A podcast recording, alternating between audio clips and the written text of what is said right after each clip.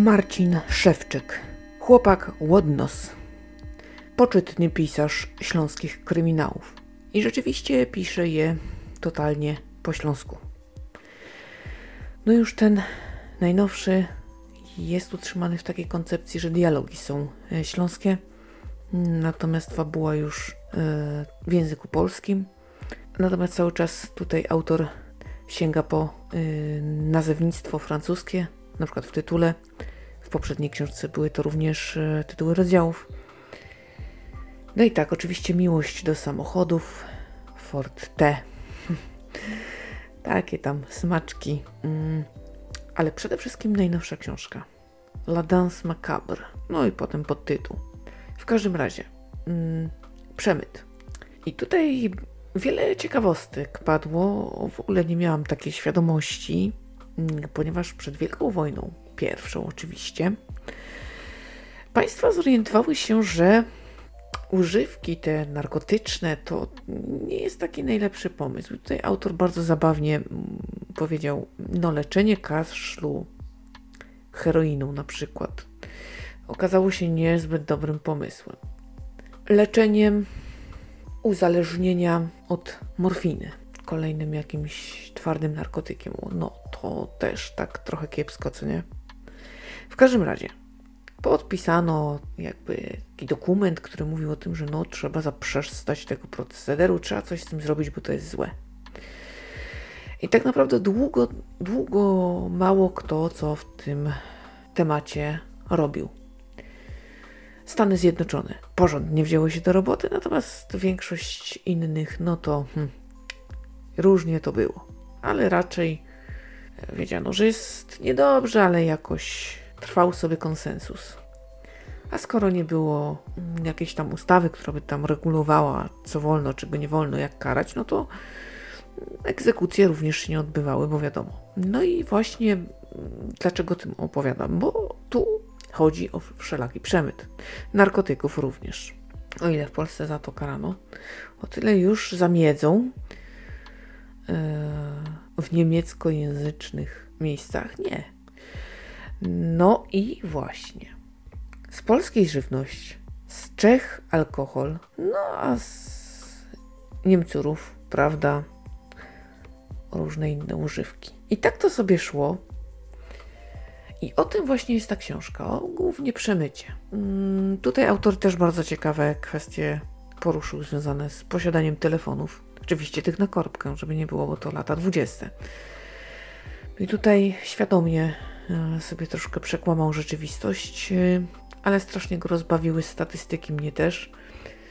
E, Polska była końcówką ugona. Rzeczywiście w latach międzywojennych stan posiadania telefonu przez obywatela zwykłego tak do celów prywatnych no nic, no nic, żenujące. Nie mieliśmy po prostu. A tymczasem w książce się dzwoni na potęgę. Zatem, ale co tam, takie drobiażdżki. No i tak sobie te różne ciekawostki krążyły. Na przykład dowiedziałam się, że i w kopalniach przemycano różne rzeczy. Se pomyślałam, wow, nie no, no to jest temat genialny po prostu. I zapytałam pana, czy napisałby taką książkę, która na przykład działaby się tylko na dole. Żeby nie wychodzić na powierzchnię, no ale żeby tam ten przemyt sobie kwitł żeby cała akcja, no wiadomo, ktoś tam musi wychodzić, więc na przykład się wspomina, że ktoś tam wychodził, ale po, e, czy kogoś wysłano, tak, ale główni bohaterowie, jakby wszystko by się działo na dole, o to mi chodziło. No i pan tak zamilkł na chwilę i mówi, o, jakie to postapokaliptyczne. No bo przecież metro jest. Dlaczego nie ma być kopalnia.pl? Tak sobie pomyślałam. Ale ogólnie wydało mi się to bardzo ciekawe. Mm kiedy spotkanie się zaczynało, to powiedziano, że pan zajmuje się również rekonstrukcjami historycznymi. No i oczywiście musiałam podrążyć tutaj. Chciałam się dowiedzieć, czy pan w ramach tych rekonstrukcji, trudno powiedzieć jakie czyni, ale w ogóle, skoro się tym interesuje, napisałby taką zbeletryzowaną opowieść o powstaniach śląskich. No więc tutaj chyba raczej nie bardzo. Takie głośne morderstwo właśnie jednego z takich czołowych działaczy było. Y, nie dosłyszałam nazwiska, ale właśnie jest jakby spore zainteresowanie y, tym tematem. To znaczy tak, pan by chciał napisać, a jest na tym naszym świecie ktoś, kto ma materiały i czeka właśnie na kogoś takiego, więc tak sobie myślę, że to może pierwsze koty za płoty. Ale ja osobiście chciałabym poczytać o powstaniach właśnie w ten sposób. To by było coś. Y, no może kiedyś się doczekam. W każdym razie pan bardzo sympatyczny, niesamowicie żywiołowy i temperamentny. Całe spotkanie było godane. Hmm, chyba tylko ja mówiłam czysto polszczyzną tak naprawdę, bo no niestety nie mówię po śląsku. Rozumiem, wdrażam się w to wszystko. Już nawet lokalny patriotyzm się włączył. Interesuje mnie już śląskość, to jest duży postęp, ale ja po śląsku nie mówię. Więc byłam takim rodzynkiem, nie wiem czy w dobrym tego słowa znaczeniu, ale tak. No i oczywiście padało mnóstwo pytań o właśnie ten przemyt, co, kto, kiedy gdzie.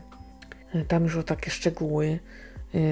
Gdzieś tam też kwestie pościgów, sprawdzania osiągów samochodów, tak, jakie prędkości były rozwijane przez konkretne modele i co tu było zrobić, kiedy na przykład uciekający miał znacznie szybszy samochód.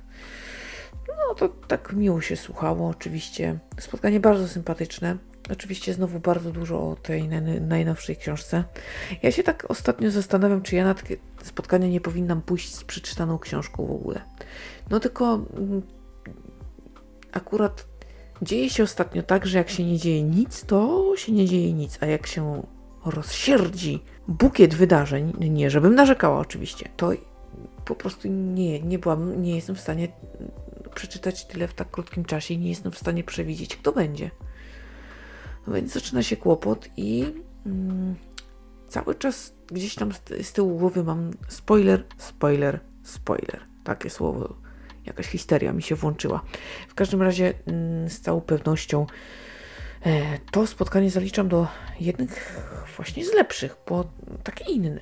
Pomimo e, tych opowieści, Y, o tej książce, nie były to takie kwestie, które by mi zaburzyły odbiór, które by, które by mi opowiedziały za dużo.